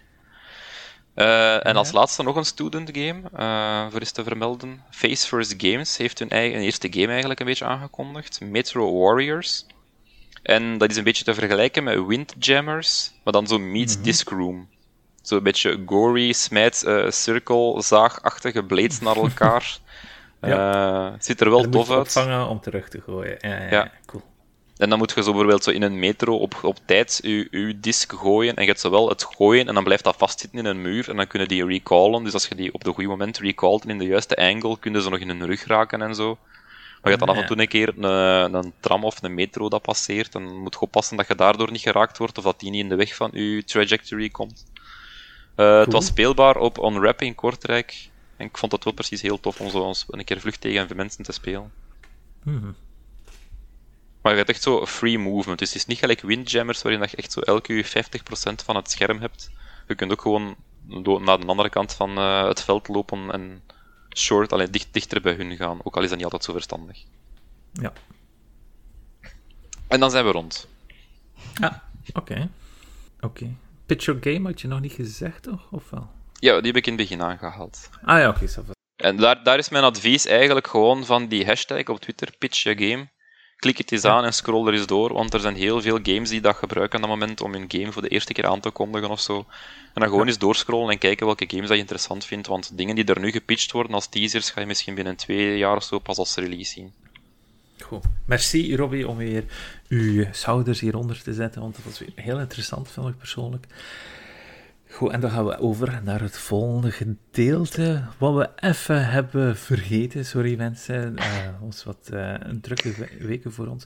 Wat was eigenlijk de vraag was: wat is jouw favoriete game soundtrack? Die gaan we nog even laten staan, aangezien dat uh, we het eigenlijk niet gepost hebben op onze socials. Dus, we hadden wel eigenlijk even... een, andere soort vraag gesteld. Niet de luistervraag, maar dan zo de prijsvraag voor de Nintendo Online.